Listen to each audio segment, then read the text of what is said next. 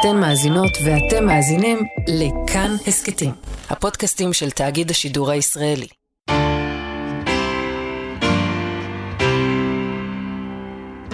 שלום לכם, שלום לכן, וברוכים הבאים לספיישל 88, אני נעמי שלו, אה, וכיף מאוד שאתם כאן ושאתם מאזינים. אז uh, הפעם אנחנו עם ספיישל על אלבום יקר ואהוב שחגג 50 שנה לצאתו ב-28 בספטמבר האחרון, ועכשיו אנחנו יכולים לחזור אליו ולחגוג לו כמו שצריך. אז הלהקה היא ג'נסיס, השנה היא 1973, והאלבום... Selling England by the pound אז כמו שחלקכם אולי כבר יודעים, האלבום Selling England by the Pound הוא האלבום החמישי של ג'נסיס, ובראייה לאחור הוא נחשב אולי ל fan favorite האמיתי שלהם, שהביא לנו פנינים כמו קטע הפסנתר, שעד היום ילדים בתיכון שוברים עליו את האצבעות.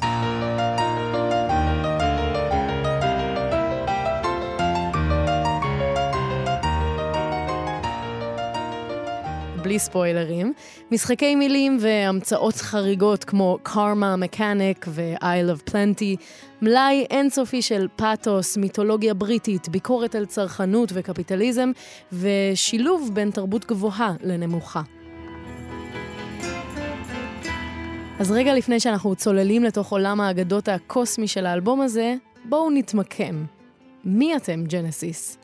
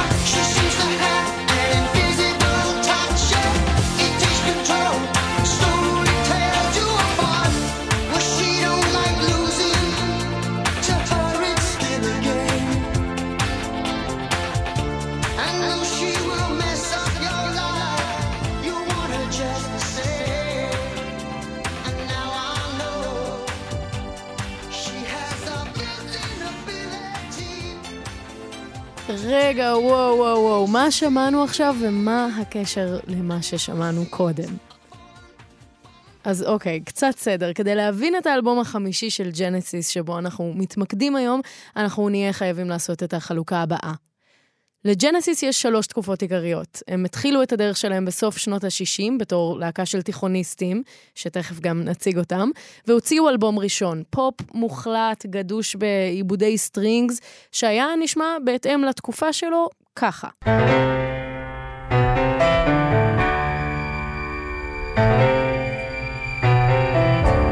The silent sun that never shines She is the warmth of my lonely heart the motion of a turning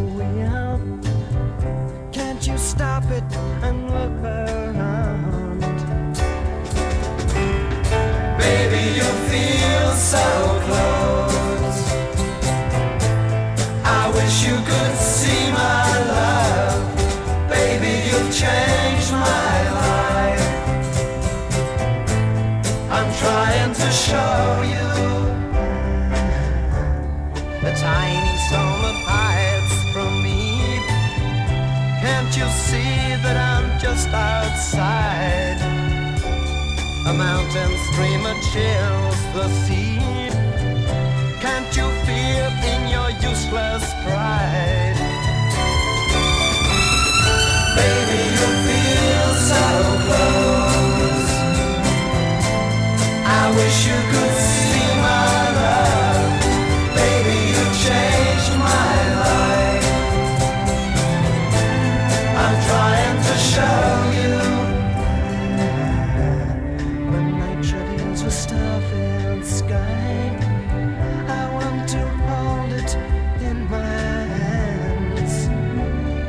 Snowflakes hit the earthy ground, your beauty child.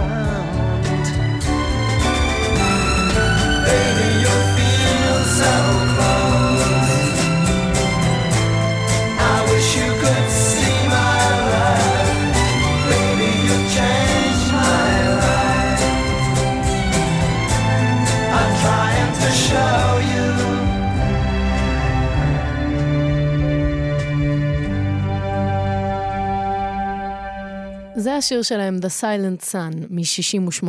זה מתוך אלבום שלא ממש הצליח, האלבום הראשון שלהם, והלהקה חזרה אחריו להתמקד רגע בלסיים את הלימודים שלהם.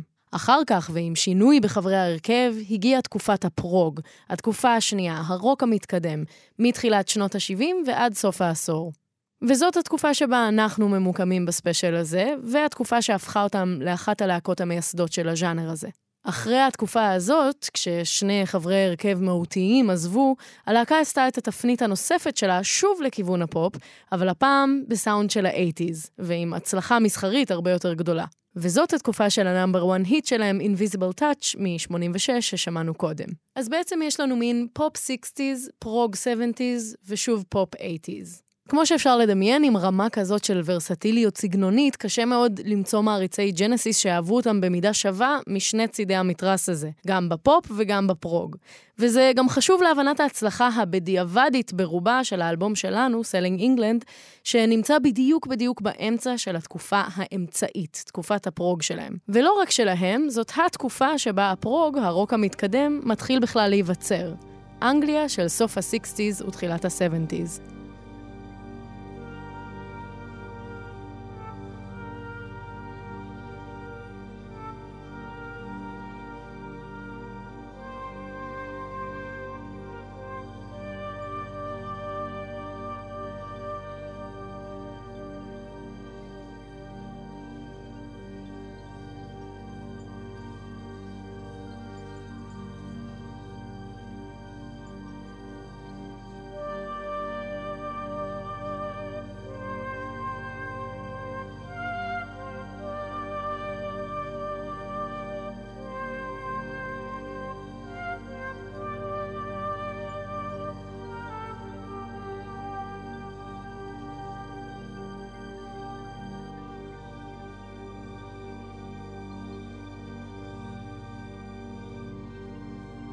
את זה כנראה שלא צריך להציג, אבל בכל זאת, Shine on you crazy diamond ואלה פינק פלויד. progressive rock היה בכלל בתחילת הדרך שלו progressive pop, נטישה של הצורות המקובלות של הפופ לטובת מבנים מורכבים יותר, מילים פואטיות ושימוש בטכנולוגיה ליצירה של סאונדים חדשים. התקופה לפני שהפרוג ממש פרץ נקראת הפרוטו-פרוג, עם להקות שהיו מהותיות ממש להיווצרות של הז'אנר הזה, כמו The Zombies, The Doors, The Beach Boys, וכמובן הביטלס, שבסוף ימיהם התעסקו כבר לגמרי ביצירה של מוזיקה עם הרבה מאוד עיבוד בסטודיו.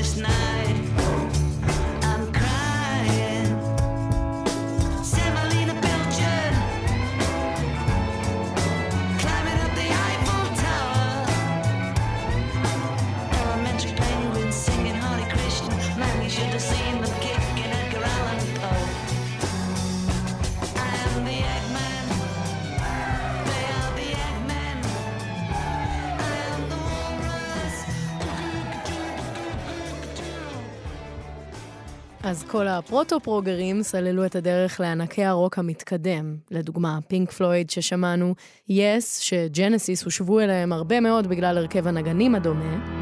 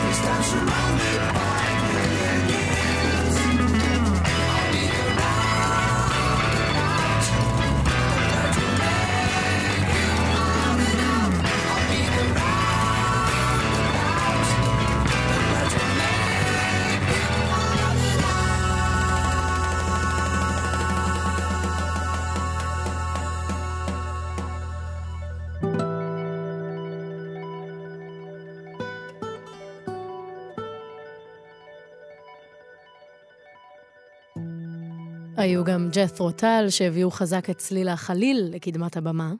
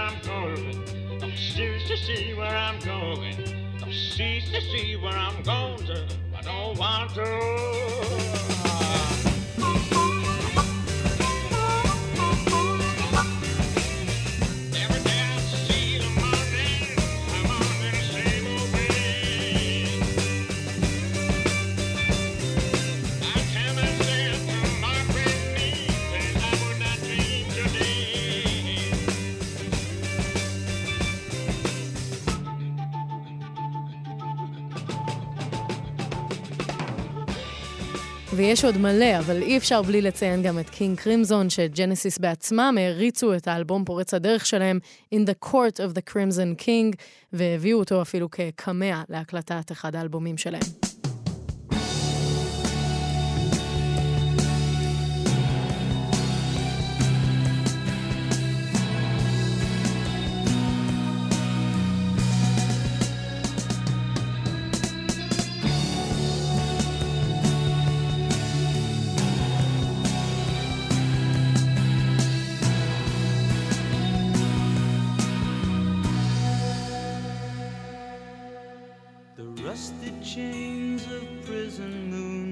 Are shattered by the sun. I walk a road, horizons change, the tournament's begun.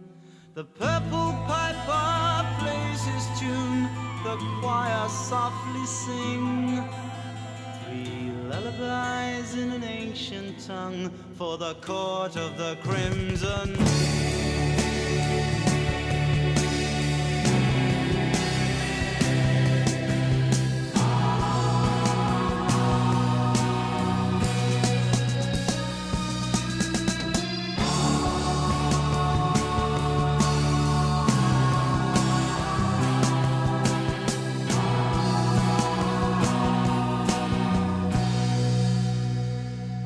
לראות את התנועה של הפרו גם כסוג של תנועת נגד לפסיכדליה, המקבילה, שהיא בעצמה הייתה תנועת נגד לפופ.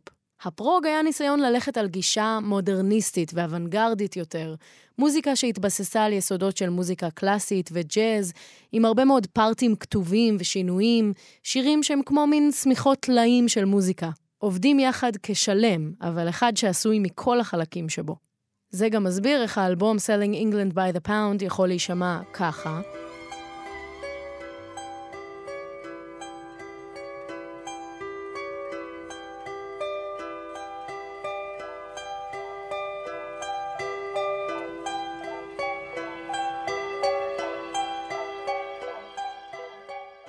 וגם ככה. Just like any picnic.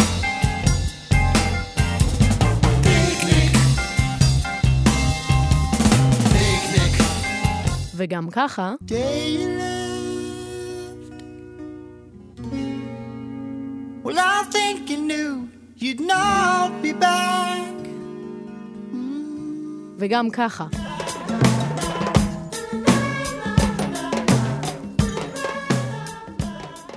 ועדיין להיות יצירה שלמה, אפילו יצירת קונספט אחת. יוצרי ירוק המתקדם רצו ליצור מוזיקה מורכבת, עם המון עבודת סטודיו והפקה אחרי ההקלטה. מוזיקה שהמטרה שלה היא שיאזינו לה כאלבום, ולאו דווקא כתובה למופע חי.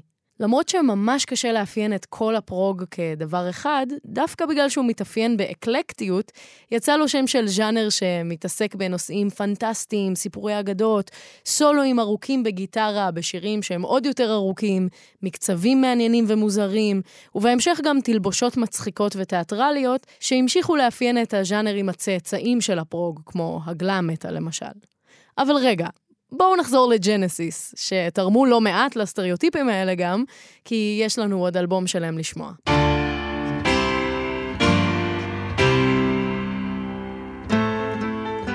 רוב חברי ג'נסיס הכירו, כמו שאמרנו, בבית ספר, Charterhouse School, בית ספר פרטי במחוז סארי הדרומי של אנגליה, מתחת ללונדון. הם היו ממש ילדים בני 13 ו-14 כשהם נפגשו.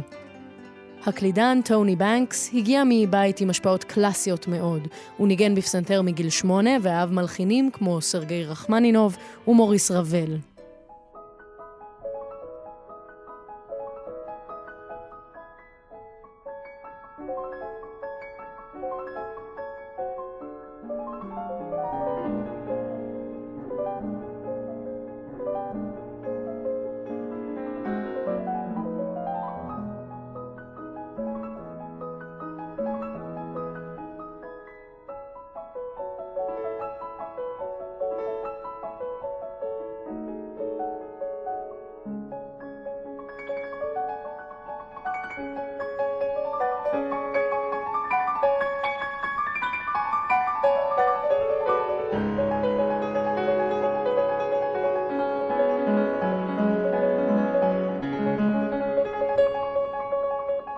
הסולן הראשון של ג'נסיס, פיטר גייבריאל, היה שר כבר מגיל צעיר, למד גם פסנתר, וקיבל תוף גדול ליום הולדתו העשירי. הוא מספר על עצמו שההשפעות הראשונות שלו הגיעו משירי הכנסייה, ההמס.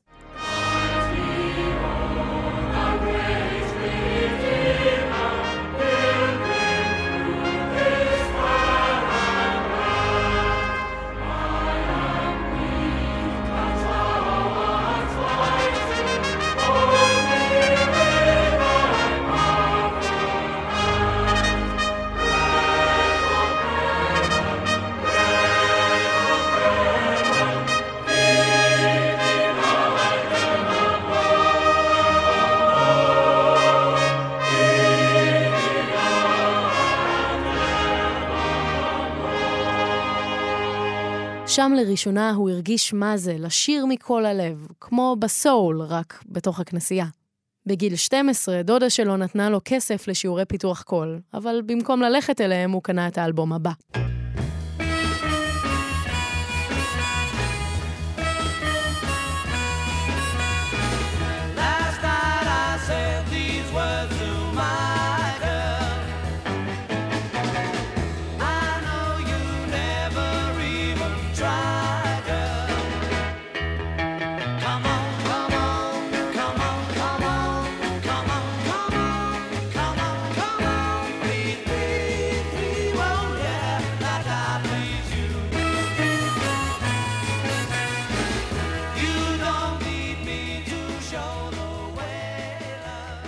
מייק רות'רפורד, הבסיסט והגיטריסט, וכאן חשוב גם לומר שכל חברי ג'נסיס ניגנו לא רק בכלי אחד, התחיל לנגן בגיל שמונה בגיטרה, וכבר בגיל תשע הקים את הלהקה הראשונה שלו.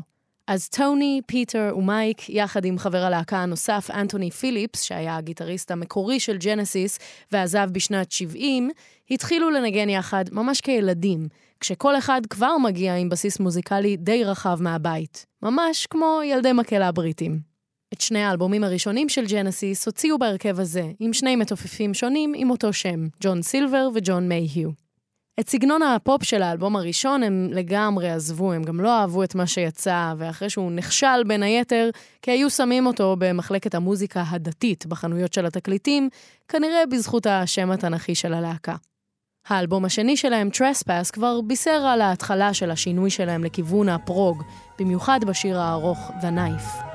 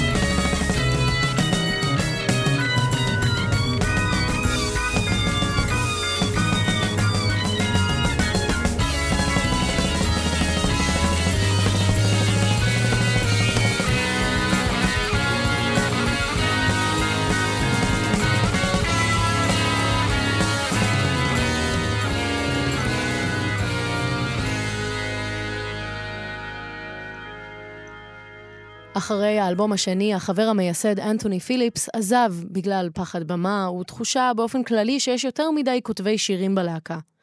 זה כמעט פירק את השלישייה שנשארה, אבל הם החליטו להמשיך. הם פיטרו גם את המתופף, ושמו מודעה בעיתון המוזיקה Melody Maker בחיפוש אחר גיטריסט ומתופף חדשים. ככה הגיע אליהם המתופף פיל קולינס.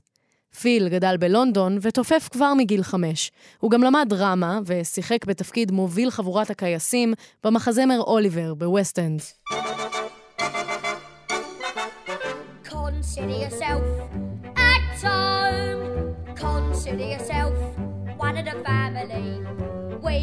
to you so strong. כילד הוא הושפע מאוד מהטיפוף של רינגו סטאר, וגם של מתופף הג'אז והביג בנד האגדי, באדי ריץ'.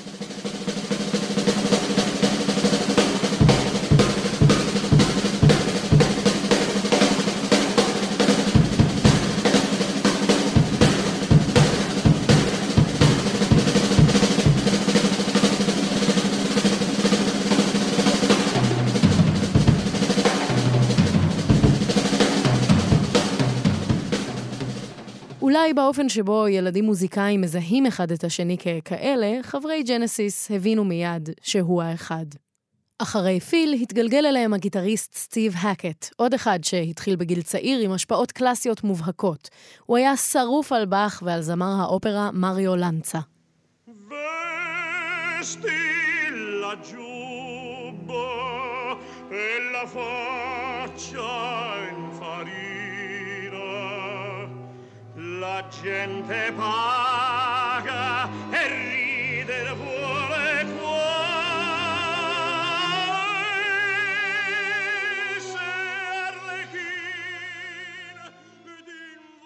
הפעם דווקא חברי ג'נסיס קראו על סטיב בעיתון. הוא פרסם מודעה בעצמו, נגן יצירתי מחפש לנגן עם להקה שלא מפחדת לחפש מעבר לצורות המוזיקליות המקובלות. די מהר התברר שהם עשו את הבחירה הנכונה. וככה הושלמה החמישייה, טוני בנקס, פיטר גייבריאל, מייק רת'רפורד בתוספת חדשה של סטיב הקט ופיל קולינס, ג'נסיס הקלאסית, כמו שמעריצים מכנים אותה. בהרכב הזה הם עשו יחד את תקופת הפרוג המשמעותית שלהם, ארבעת האלבומים הבאים שכתבו.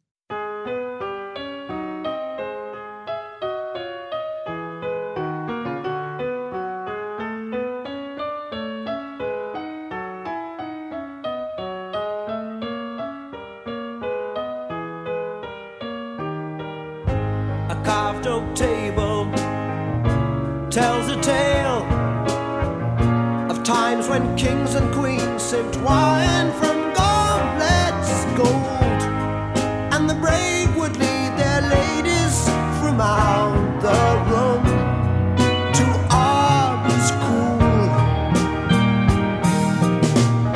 A time of valor and legends born a time when meant much more to a man than life. And the days knew only strife to tell right from wrong through loves and sword.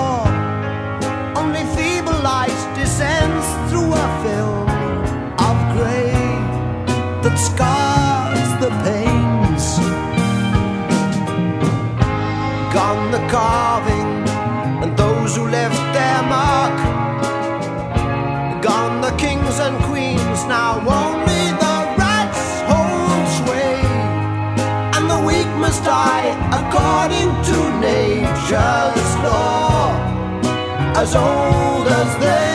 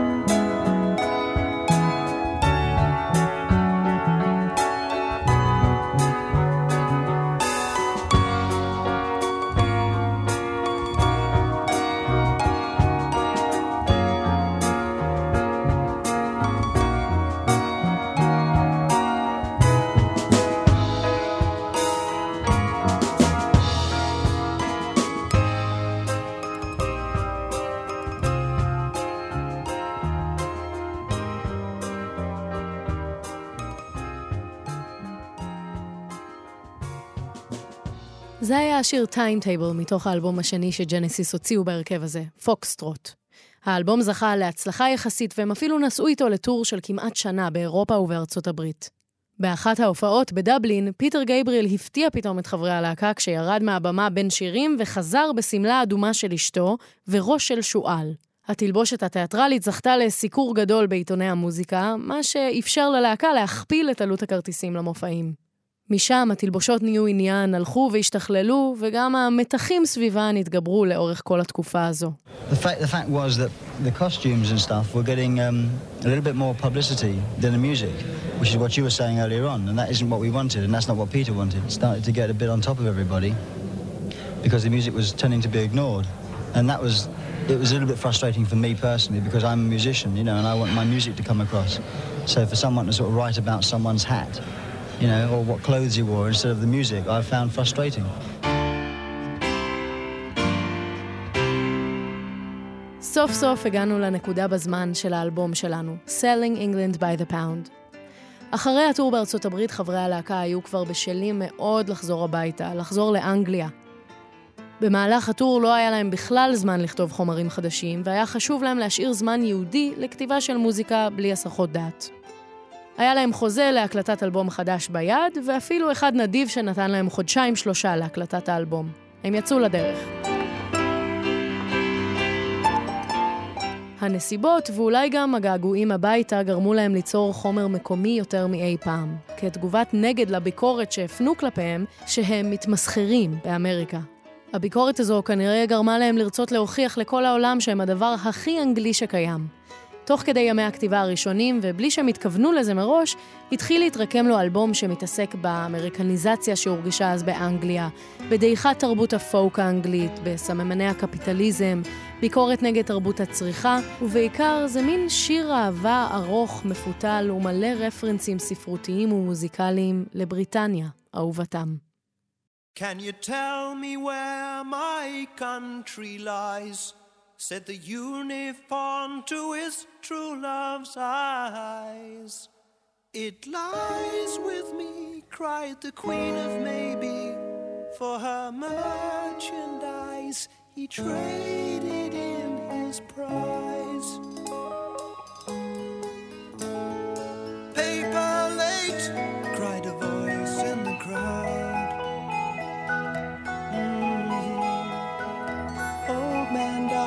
Dies, the note he left was signed Old Father. Thames, it seems he's drowned, selling England by the pound.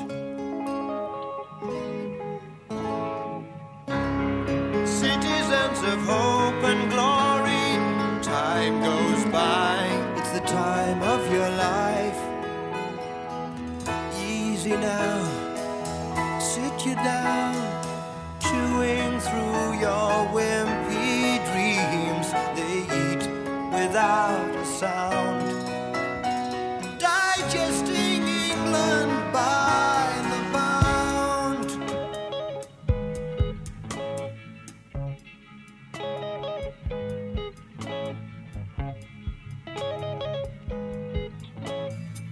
Young man says you are what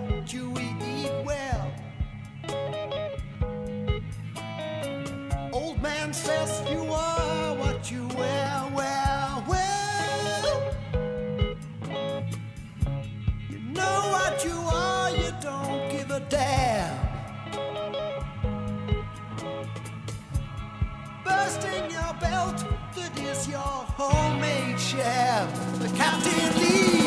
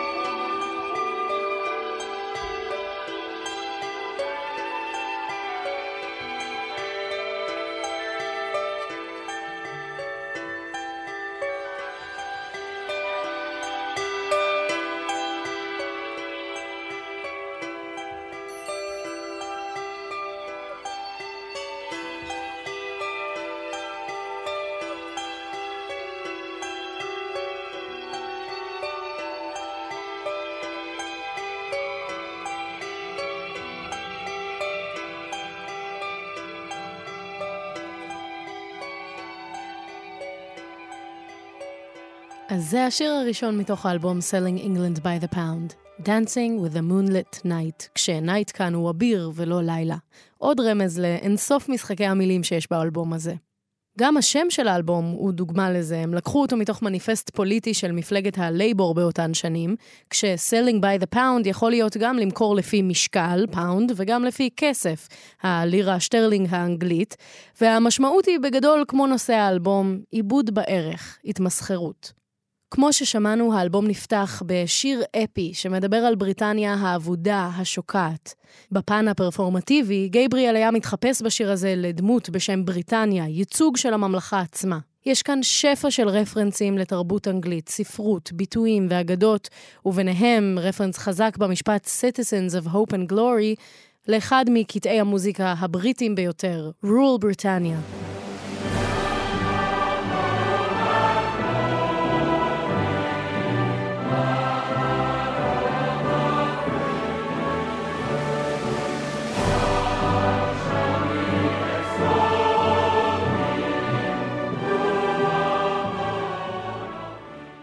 מבחינה מוזיקלית, שומעים בשיר הזה גם את ההשפעה החזקה של הרכב הפיוז'ן ג'אז הניו יורקי, The Mahavishnu Orchestra, שפיל קולינס אהב מאוד להקשיב לו באותם ימים, והם גרמו לו לרצות לנסות מקצבים מורכבים יותר בתופים.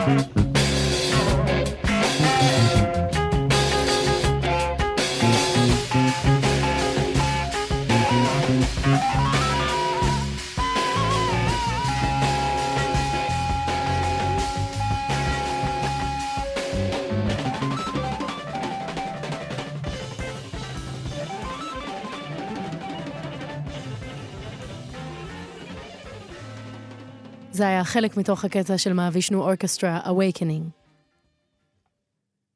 ועכשיו הגיע הזמן של השיר השני מתוך האלבום, הלהיט, כמו שהם קראו לו, ובאמת הוא היה גם המצליח ביותר במצעדים, אפילו שהם לא ממש הסכימו לקדם את השיר בטלוויזיה ובתקשורת. I know what I like in your wardrobe. זה שיר שמספר על גנן, מעצב גינות, שמתעקש להישאר במקום ולא להתקדם בחייו, חסר אמביציה לגמרי. המילים הפותחות, I know what I like and I like what I know, מרפררות גם לנושא האלבום. הגנן שלנו, ג'ייקוב, יודע מה הוא רוצה כביכול, אבל הוא גם רוצה רק מה שהוא מכיר, וזה מראש מצומצם מאוד. ג'ייקוב הוא מיספיט קלאסי, שלא מוכן להיכנס למרוץ העכברים שמסביבו. כשחברי ההרכב ביקשו רשות מהמאיירת בטי סוונוויק להשתמש באיור האיקוני שלה עבור עטיפת האלבום, היא הוסיפה במיוחד בשבילם מכסחת דשא קטנה בפינה, כמו זו שמוזכרת בשיר הזה. הקלידן טוני בנקס יצר צליל נמוך מאוד במלוטרון, שנשמע בהתחלה ובסוף של השיר, כדי להתחקות אחרי הצליל של המכסחה. ההשפעה של הרוק הפסיכדלי באווירת הביטלס מורגשת מאוד בשיר הזה, וריף הגיטרה נבע מתוך ג'ם סשן של סטיב האקט ופיל קולינס, שהתקבע אל תוך השיר. I know what I like in your wardrobe.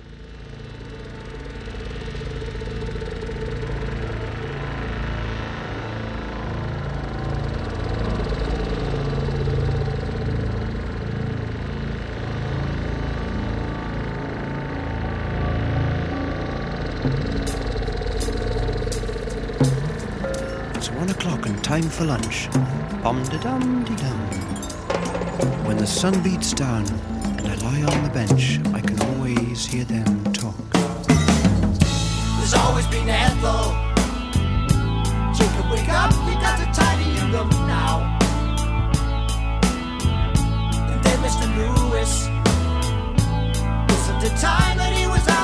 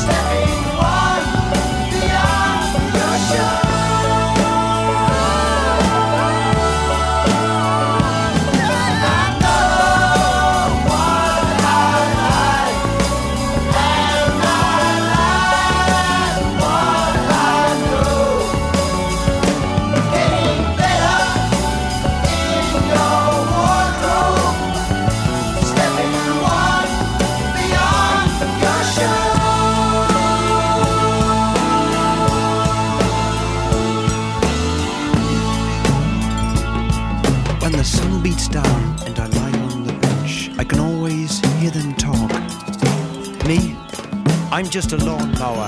You can tell me by the way I walk.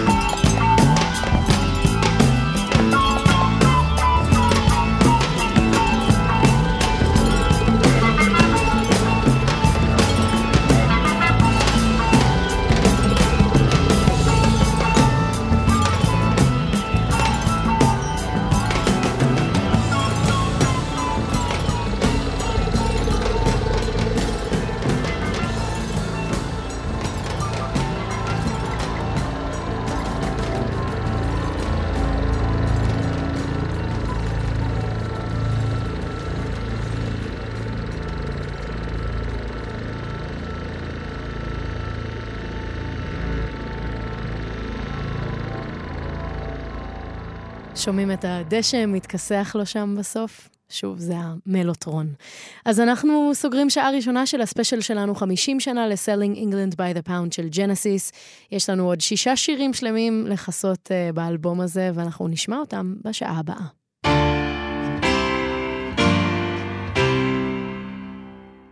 אז הגענו לשיר השלישי באלבום שלנו, שיר שהתקבע בתור אחד האהובים ביותר בתולדות הלהקה, והוא נקרא Firth of Fifth.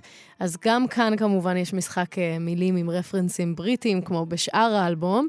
יש בסקוטלנד שפך בנהר River Forth, שידוע בתור Firth of Forth.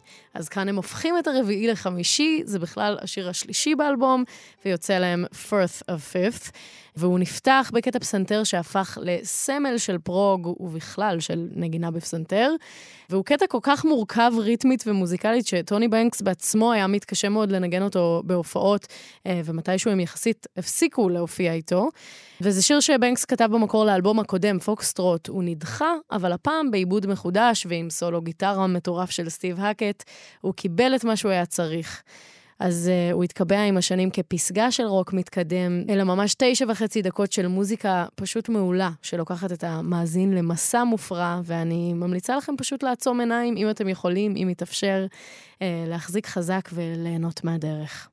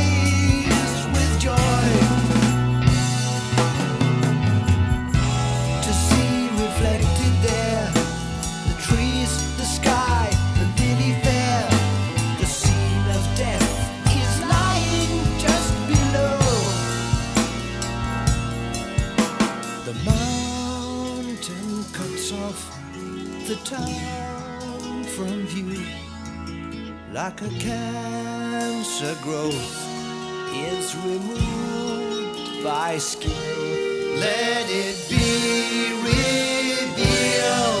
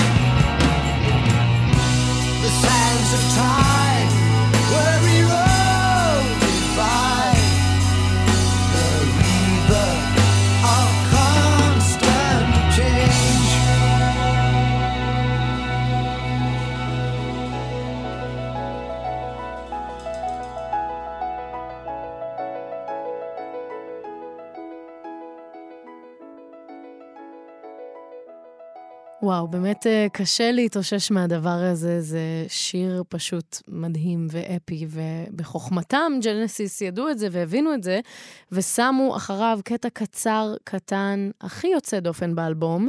פשוט בלדת אהבה, או יותר נכון פרידה עדינה, שמבשרת גם על מה שעתיד עוד לקרות בלהקה עצמה. כשפיל קולינס שר כאן את הליד, זה בסך הכל השיר השני בתולדות הלהקה שהוא שר אותו. אז כמו שאנחנו יודעים, היו כבר טיפה מתחים בלהקה סביב נושא התלבושות והתיאטרליות והכיוונים השונים, ובעתיד הלא רחוק זה הוביל לזה שפיטר גייבריאל, ששר את כל האלבום הזה, עזב את הלהקה. אה, זה בעצם קרה רק שנתיים אחר כך, ב-75. ג'נסיס חיפשו בנרות, עשו אודישנים ל-400 זמרים, ובסוף הבינו שהדבר נמצא כבר אצלם, ופיל קולינס נהיה הסולן של הלהקה. אז השיר הזה במובנים רבים הוא ניצן של התגלית הזו, וגם של הכיוון שג'נסיס לקחו בהמשך אל תוך הפופ הישיר, גם בהובלת קולינס. אז שיר רביעי, הוא נקרא More Fool Me.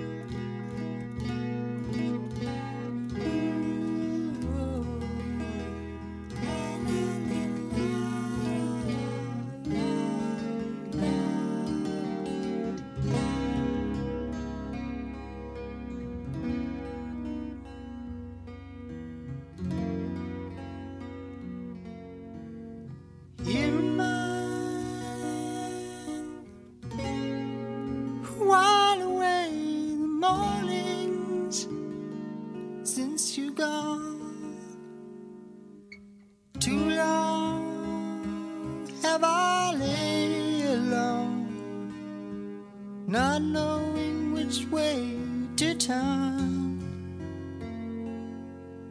And there you are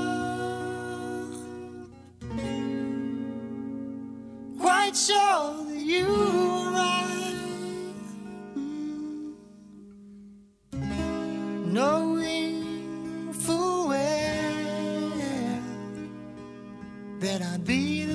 just want to go down.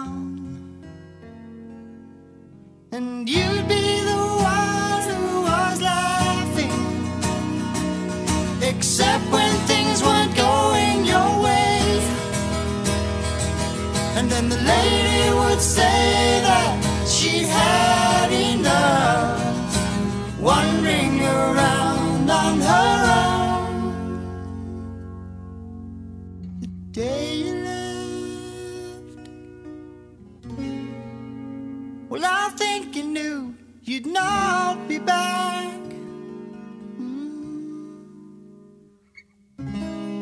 Well, at least it would seem that way because you never said goodbye. But when it comes round to you and me, I'm sure it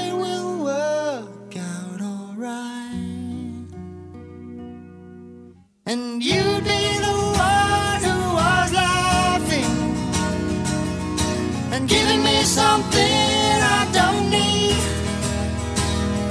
And you know I'd always hold you and keep you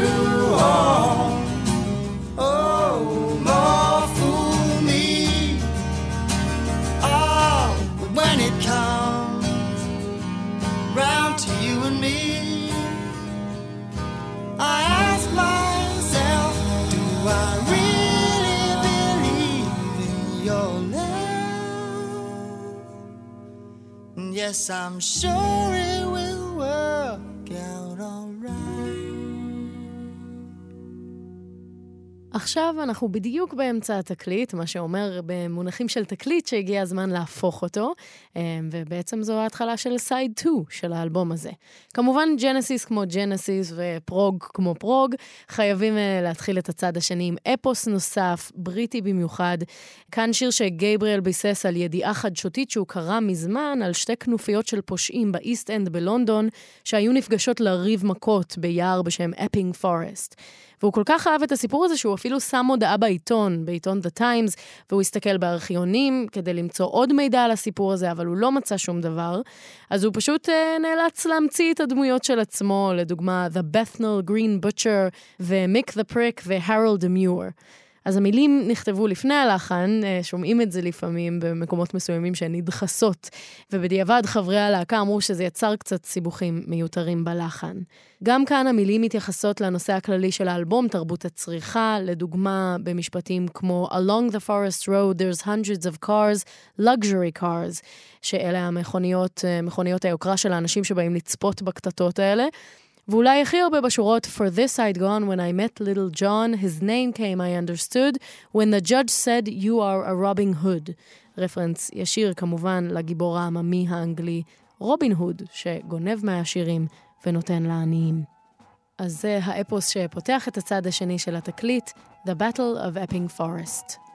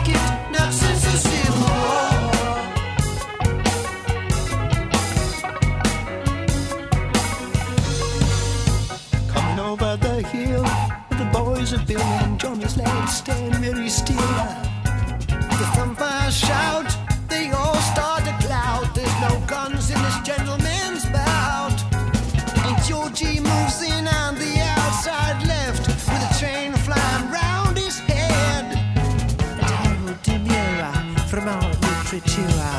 Nips up the weirdest street.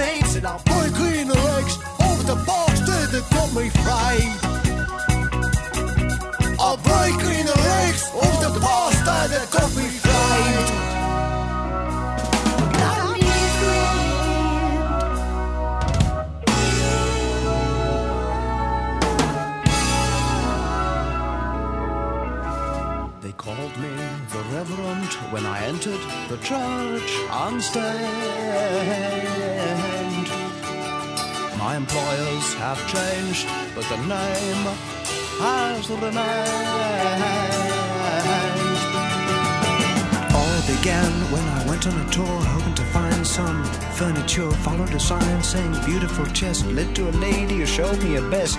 She was taken by surprise when I quickly closed my eyes.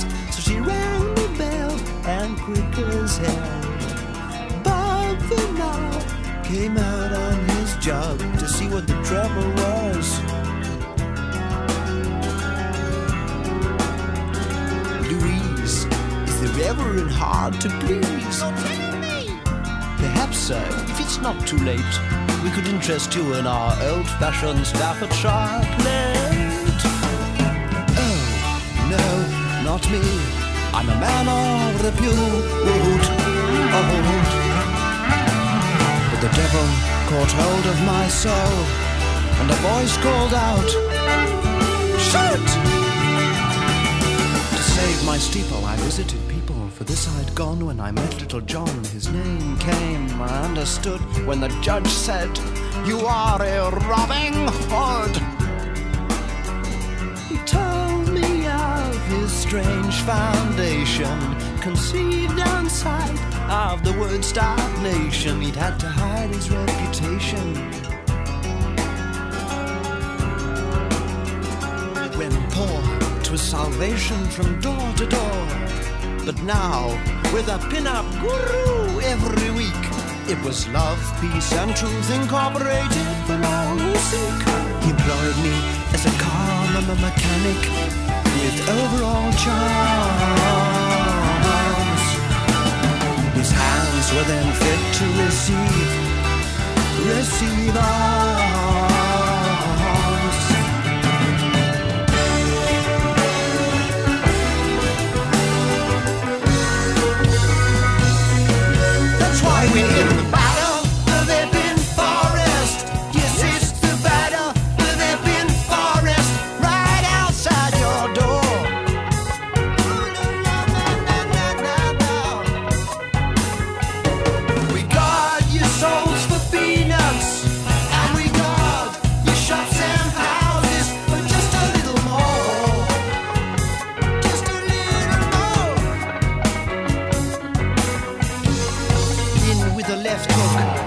No green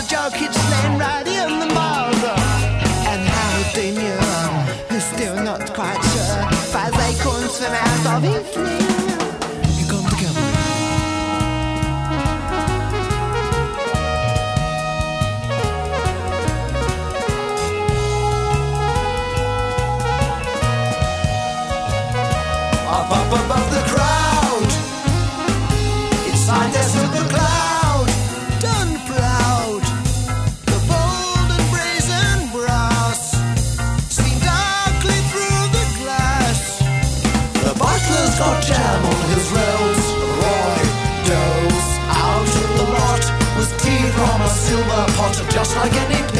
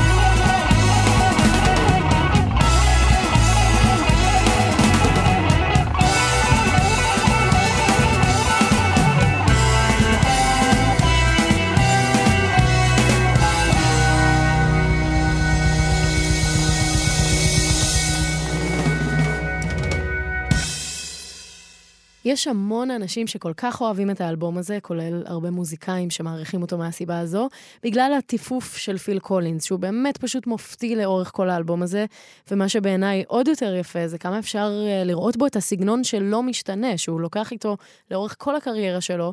לדוגמה, בשיר ששמענו עכשיו, או אם אני מחזירה לרגע קטן, קטע קצר של טיפוף מהשיר הראשון.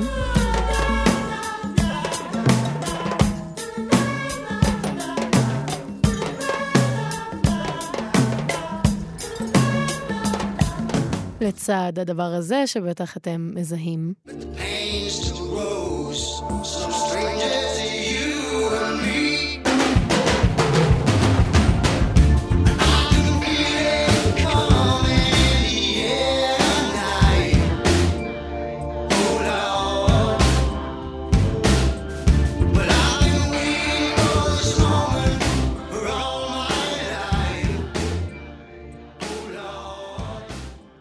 זה כמובן להיט ה eighties הענק של פיל קולינס מ-81, In the Air Tonight. אותה עוצמה בתופים, רק עם תוספת האפקט האהוב gated drums, שהוא בגדול הסאונד של ה eighties, אבל עדיין יש כאן ממש כבר את הנשמה ואת הטיפוף הזה שנשמע אך ורק כמוהו. הגענו עכשיו לפנינה המוזיקלית של האלבום הזה, מה שבעיניי גם הכי מראה את היסודות הקלאסיים שלו, הקלאסיים הבריטיים, הקטע האינסטרומנטלי בלבד, קצר יחסית, שנקרא After the Ordeal. עכשיו, ה ordeal, האירוע שאליו מתייחסים כאן, הוא הקטטה מהשיר הקודם, בכל זאת זה אלבום קונספט. אז זה בעצם קטע מוזיקלי שחותם את הקטטה, האינטרמצו, אם לוקחים אה, מהעולם הקלאסי. קטע של פשוט מנוחה מוזיקלית לסגור פרק מסוים. גם כאן, ובעזרת הגיטרה המפורסמת שבג'נסיס, בעלת אה, 12 המיתרים, אפשר לשמוע את ההשפעות של המוזיקה הקלאסית הבריטית, מוזיקה ללאוטה, לדוגמה. כלי עתיק שפותח באירופה בעקבות האוד הים תיכוני, ויש לכלי הזה בין 15 ל-25 מיתרים, ויש לו צליל מאוד מאוד ספציפי ויפה. אז הנה דוגמה למוזיקה ללאוטה שכתב מלחין אנגלי בשם ג'ון דאולנד בסוף המאה ה-16, ושימו לב לדמיון, זה די מטורף. אז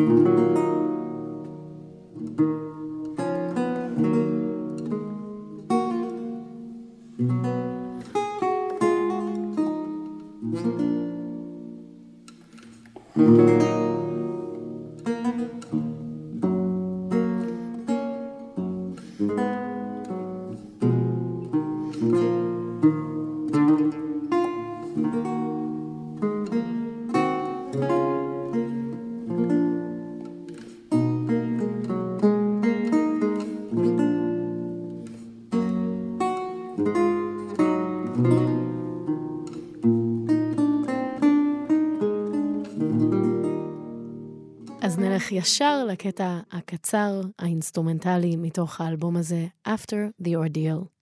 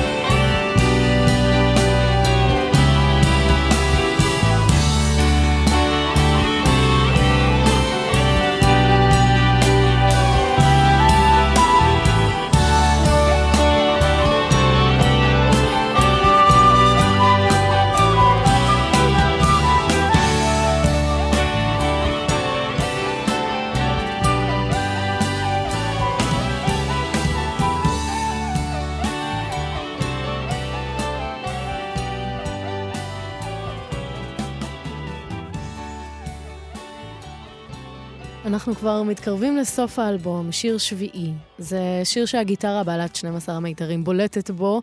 הוא מבוסס בעצם עליה, ויש פה הרמוניות וקולות של פיטר גבריאל יחד עם פיל קולינס, וגם סולו חליל, ואפילו סולו אבוב. אנחנו שומעים כאן גם את הצעצוע החדש שהיה לג'נסיס באלבום הזה, היה להם פתאום טיפה יותר כסף אה, לקנות אה, צעצועים. סולו קלידים של ארבע וחצי דקות שמנוגן על הצעצוע הזה, ARP Pro Soloist. סינט קטן, קומפקטי, שהיה קל לנסיעה, ואחד הראשונים שהצליח מסחרית והגיע כבר עם מצבים מסוימים מתוכנתים, בעצם פריסטים של המכשיר עצמו. גם כאן הנושא הבריטי בולט מאוד, עם רפרנסים מילוליים גם לדמויות של רומאו ויוליה, מהמחזה של ויליאם שייקספיר, וגם לפואמה של המשורר האנגלי המפורסם טי.אס אליוט בשם The Waste Land. ועצם זה שג'נסיס עושים את השילוב הזה בין רומאו ויוליה למילים של אליוט, זה רפרנס לאליוט עצמו, שהיה גם משתמש הרבה פעמים ביצירה שלו בדמויות מוכרות מספרות קלאסית. בקיצור, נראה לי שאתם uh, יכולים כבר uh, להתחיל להבין שמדובר בחבורה של ילדים מה זה טובים, עם ידע ספרותי ותרבותי מאוד רחב, בטח לגילם. Uh, רובם היו בני 23 כשהאלבום הזה הוקלט.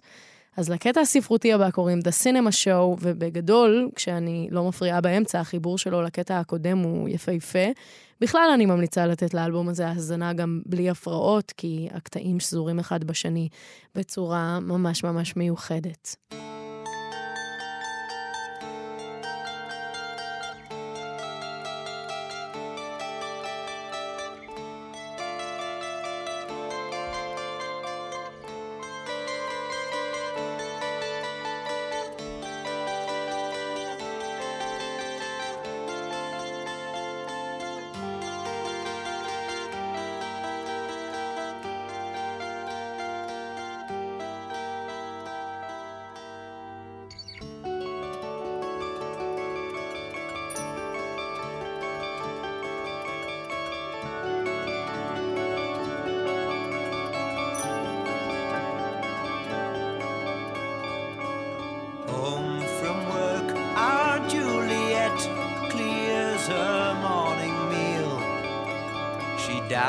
Skin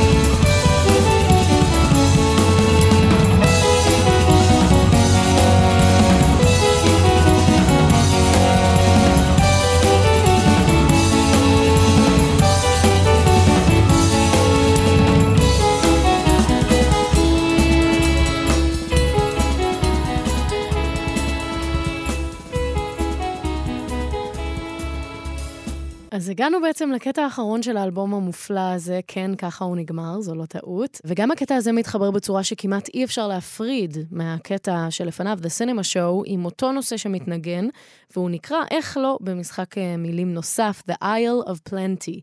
aisle כאן כתוב כמו מסדרון, מעבר, supermarket aisle, אבל נשמע גם כמו המילה isle ב-I, שזה אי, ויש לא מעט כאלה שהיו בשליטת אנגליה, Isle of Man, Isle of Wight. אז כאן מדובר על אי השפע בעצם, וכל המילים רצופות באזכורים לכל מיני שמות של סופרים אנגליים ומוצרים משונים שאפשר לרכוש, כמו טייבל ג'לי at 4p each ו-Fairy liquid giant. ויש כאן גם רפרור מוזיקלי לנושא מהשיר הראשון באלבום Dancing with a Moonlit Night, וכמו באלבום הקודם, גם האלבום הזה נסגר עם דימוי של ביצה. זה דימוי שג'נסיס אהבו גם בעיצובים הוויזואליים שלהם. בעצם המילים האחרונות של כל האלבום הן It Scrambled Eggs, ובטרק האחרון של האלבום הקודם, פוקסטרוט, מופיע הביטוי As sure as eggs is eggs, וגם באלבום אחרי זה, בשיר האחרון, יש את השורה It is eggs. אז לא לזלזל אה, בחשיבות של הביצה שסוגרת את האלבום מבחינת ג'נסיס. מה שעוד יפה הוא שהאלבום פשוט מתפייד לו החוצה. כששומעים אותו כלופ, אם נגיד שמים מיד את השיר הראשון שוב, זה נשמע כמעט כאילו ככה אמורים להקשיב לו. אז זה הטרק האחרון שלנו באלבום Isle of Plenty.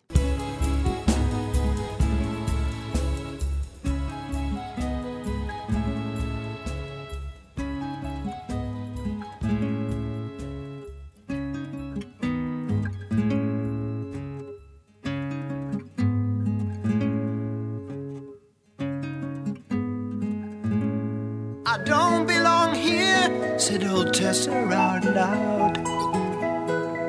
Easy love, there's the safe way home.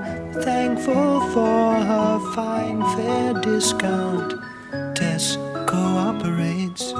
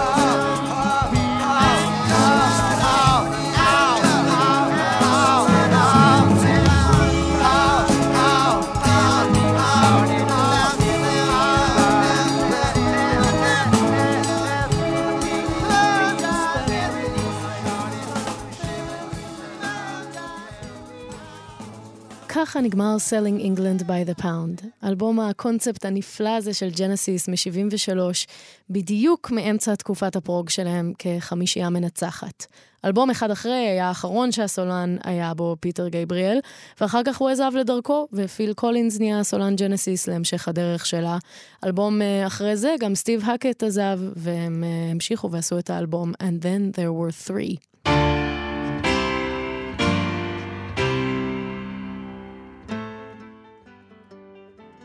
לסיכום, אני חושבת שהסיבה שבחלוף השנים האלבום הזה נהיה כל כך איקוני ואהוב, היא למעשה פשוט טיימינג מושלם. הוא יצא בול בזמן, בול באמצע של תקופה של להקה, והוא מסמל גם עבור המעריצים שלה את האמצע היציב הזה של ג'נסיס של ה prog. ג'נסיס של ה-70's, שאחר כך הלכו ובאמת עשו דרך יפה ומעניינת, אבל שונה לגמרי. בדיוק בזמן הזה, בשנת 73, הם פשוט רצו מאוד להקליט חומרים חדשים, היה להם את הזמן, את המימון, כבר שני אלבומים מאחוריהם של הגיבוש הסגנוני שלהם. הנושא הזה, מכתב האהבה הזה לבריטניה, שבא גם לחשוף את העומקים והיופי שבה, אבל גם את הבעיות, פשוט זלג מהם החוצה, הם אפילו לא תכננו את זה. הם חזרו מטור במקומות אחרים, והם רצו לשיר על הבית של עצמם. וכל הדברים האלה בשילוב כלים חדשים והפקה מעניינת וקונספט חזק, אבל גם לא כזה שחונק את האלבום, אלא משאיר לו מספיק רווחים להיות גם עוד דברים. אז כל הדברים האלה פשוט היו מצע פורה לאלבום חד פעמי. ומה אפשר לומר? אולי פשוט כמו ג'נסיס, משהו עם ביצה. תודה רבה לכם שהאזנתם לספיישל של כאן 88, תודה רבה לג'נסיס על האלבום המעולה הזה, Selling England by the Pound. אני נעמי שלו, ולילה טוב.